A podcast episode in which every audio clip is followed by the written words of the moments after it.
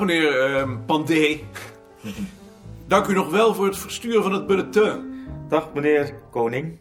Ik heb daar geen bezwaar tegen dat Escher die dag neemt. En weet Balk daar dan van? Ik zal het hem vragen. Balk is er vandaag niet. Dan morgen.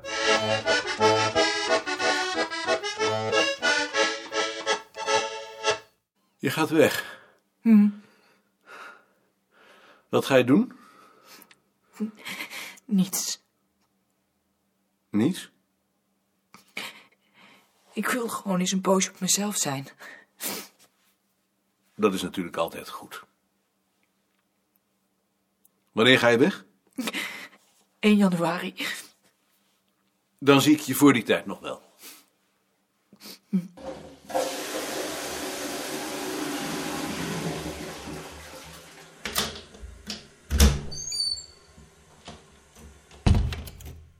Hoe gaat het met Beer?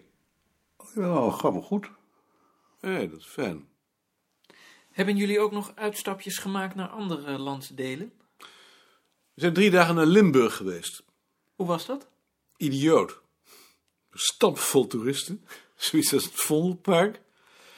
En daar liepen wij tussen met rugzakken op, wandelschoenen, stafkaarten.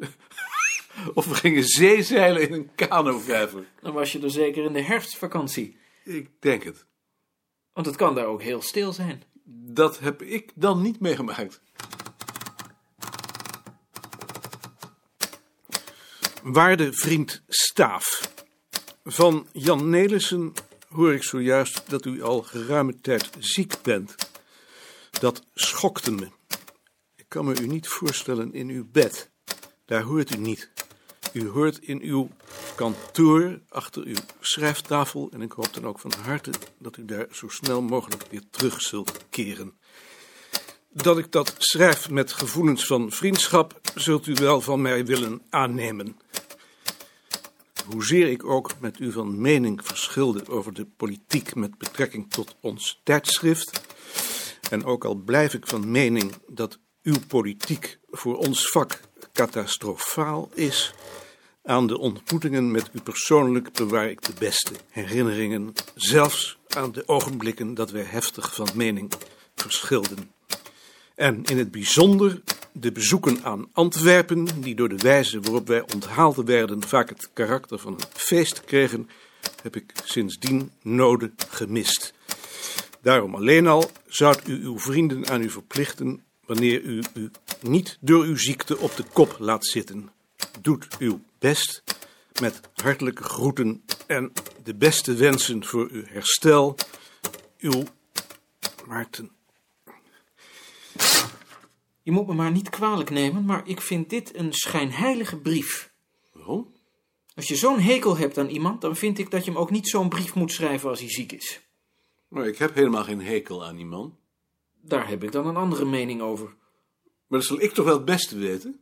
Ik vind hem goed. Ik herinner me hoe je hier over die man gepraat hebt. Dat zal ik ook niet gauw vergeten. En volgens mij alleen omdat het een Belg was en omdat hij klein was. Als het buiten Rust Hettema was geweest, had je niet zo over hem gepraat. Je vergist je. Ik ben bang dat ik me niet vergis.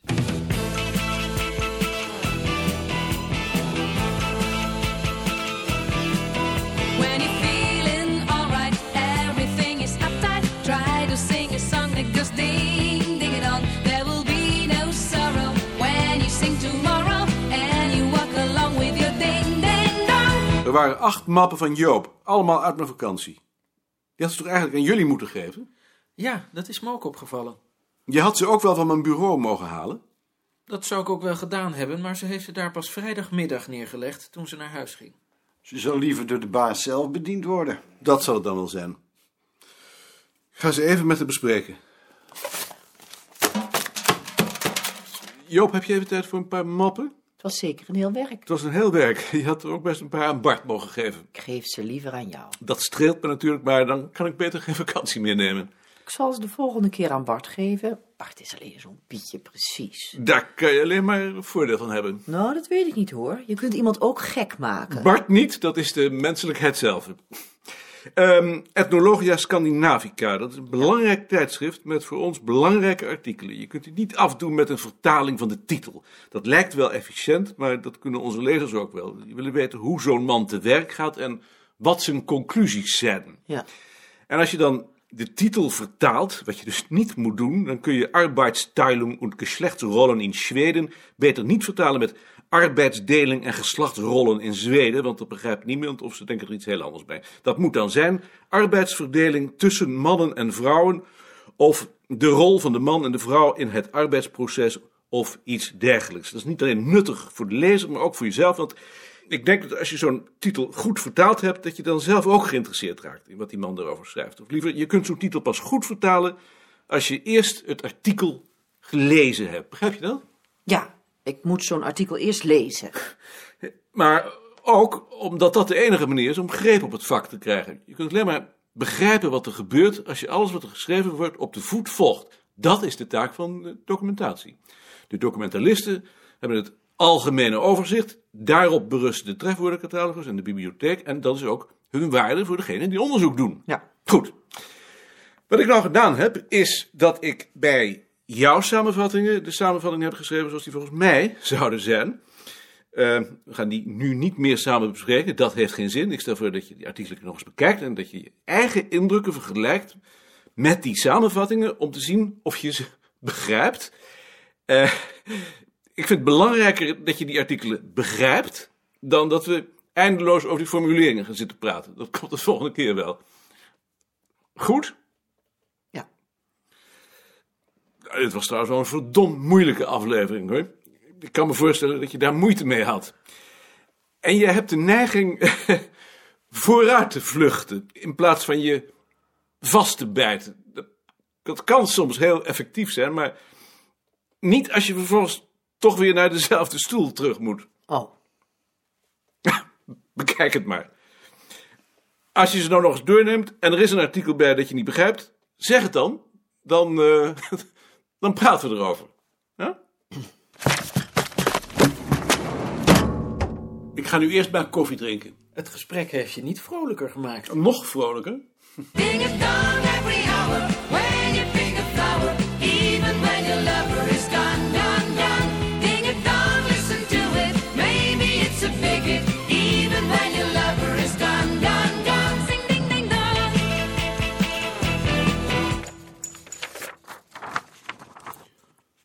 Waarde vriend Maarten. U hebt mij met uw lieve brief een zeer groot genoegen gedaan. Zoals gij het schrijft, wordt het ook door mij gevoeld. Onze wegen hebben zich gescheiden, maar wij zijn als vrienden uit elkaar gegaan en we zijn vrienden gebleven. Daar past het ons niet elkaar verwijten te doen en ik voel die ook niet. Ook ik denk daarvoor met te veel genoegen terug aan onze samenkomsten, niet alleen aan die in Antwerpen, ook aan die in Amsterdam, waar wij ons altijd welkom wisten. Intussen gaat het met mijn gezondheid nog niet zoals ik wel zou willen, al lijkt het de laatste tijd de goede kant op te gaan. Het schijnt zich te handelen om een nog onbekende ziekte die ik bij een bezoek aan China zou hebben opgedaan en waaromtrent de geneesheren in het duister tasten. Maar zij doen hun best en ik heb het volste vertrouwen dat zij in hun pogingen mij weer te genezen zullen slagen. Wellicht zullen we elkaar weer wellicht zullen we elkaar weer eerder ontmoeten dan we nu denken. Zij het misschien niet vanwege ons tijdschrift, maar er is meer wat ons bindt. Van Jan Nelissen hoorde ik van de beroerte die onze vriend Anton getroffen heeft.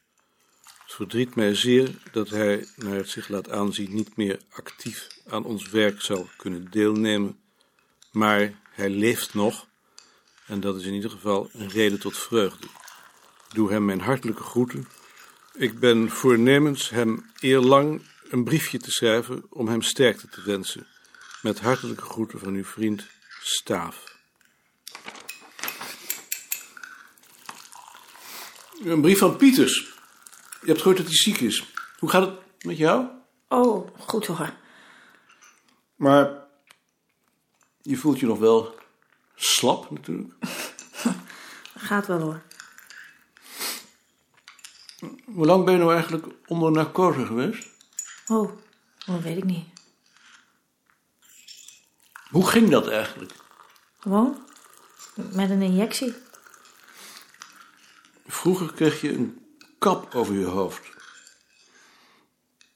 Toen ik geopereerd werd tenminste, maar dat is al meer dan 40 jaar geleden. Een linnen kap. Nee, ik kreeg een injectie. En hoor je dan ook de stemmen heel ver worden? Ik, herinner me alleen heel vaag dat ik lag te rillen. En ik dacht, zou ik me nou zo in mezelf vergist hebben? Maar De dokter zei later gelukkig dat het een lichamelijke reactie is. Je was niet bang. Nee, natuurlijk niet. Waarom zou ik bang zijn? Dat je doodgaat? Nee hoor, daar ben ik niet bang voor. Mijn vader was ook niet bang. Ik vond het heel bemoedigend. Maarten, mag ik je voorstellen Engelien Jansen? Dit is Maarten Koning. Maarten Koning. Engelien Jansen. Maarten Koning is het hoofd van de afdeling volkscultuur. Dat lijkt me heel interessant. Engelien Jansen komt in de vacature van D. Haan, zoals je al wel begrepen zult hebben. Ga je, ga je ook hetzelfde werk doen? Ik ga eerst mijn dissertatie schrijven. En dit is Tjitske van den Akker, die werkt ook op volkscultuur. Tjiske. Ding it dong, listen to it. Maybe it's a bigot. Even when your lover is gone, gone, gone. Sing ding ding dong.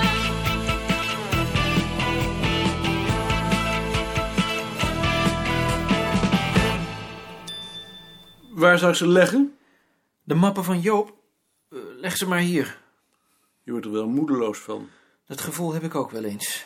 Maar hoe moet je het anders doen? Ik ben al lang tot de conclusie gekomen dat je de dingen maar het beste zelf kunt doen. Ik heb de samenvattingen dit keer zelf gemaakt om te laten zien hoe het moet. Maar als je het mij vraagt, heeft ze ze niet eens gelezen. Ze heeft gewoon haar eigen samenvattingen doorgestreept. Ik kan het krijgen zoals ik het hebben wil. Heb je wel eens geprobeerd om haar iets uit te leggen? Ik heb alles geprobeerd. En heb je de indruk dat ze er wat van begrijpt? Ze heeft een enorme flair om te verbergen dat ze er niets van begrijpt. Die indruk heb ik nou ook. Maar hoe prik je daar doorheen? Ik heb er wel eens over gedacht om haar die samenvattingen net zo lang terug te geven tot ze goed zijn. Als je dan maar niet van ons verwacht dat wij dat ook doen, want dat zou ik weigeren. Dat vind ik onmenselijk. En als dat nou de enige manier is? Dat geloof ik niet. Volgens mij heeft ze gewoon geen belangstelling. Ik heb ook geen belangstelling. Maar als je merkt dat je niet zo stom bent als je vreest, dan krijg je die wel binnen zekere grenzen. En als het nou echt te moeilijk voor haar is. Wat wij doen, Ze heeft in de tijd toch ook haar studie afgebroken? maar voor wat wij doen hoef je toch niet gestudeerd te hebben? Trouwens, wat stelt zo'n studie nu helemaal voor? Dat ben ik volstrekt niet met je eens. Ad, denk jij ook dat Joop te dom is? Ik onthoud me even van een oordeel. Ik heb niet gezegd dat Joop te dom is. Ik sta alleen op het standpunt dat je haar slechts lichte werkjes moet opdragen, omdat de taken die ze nu heeft te zwaar voor haar zijn.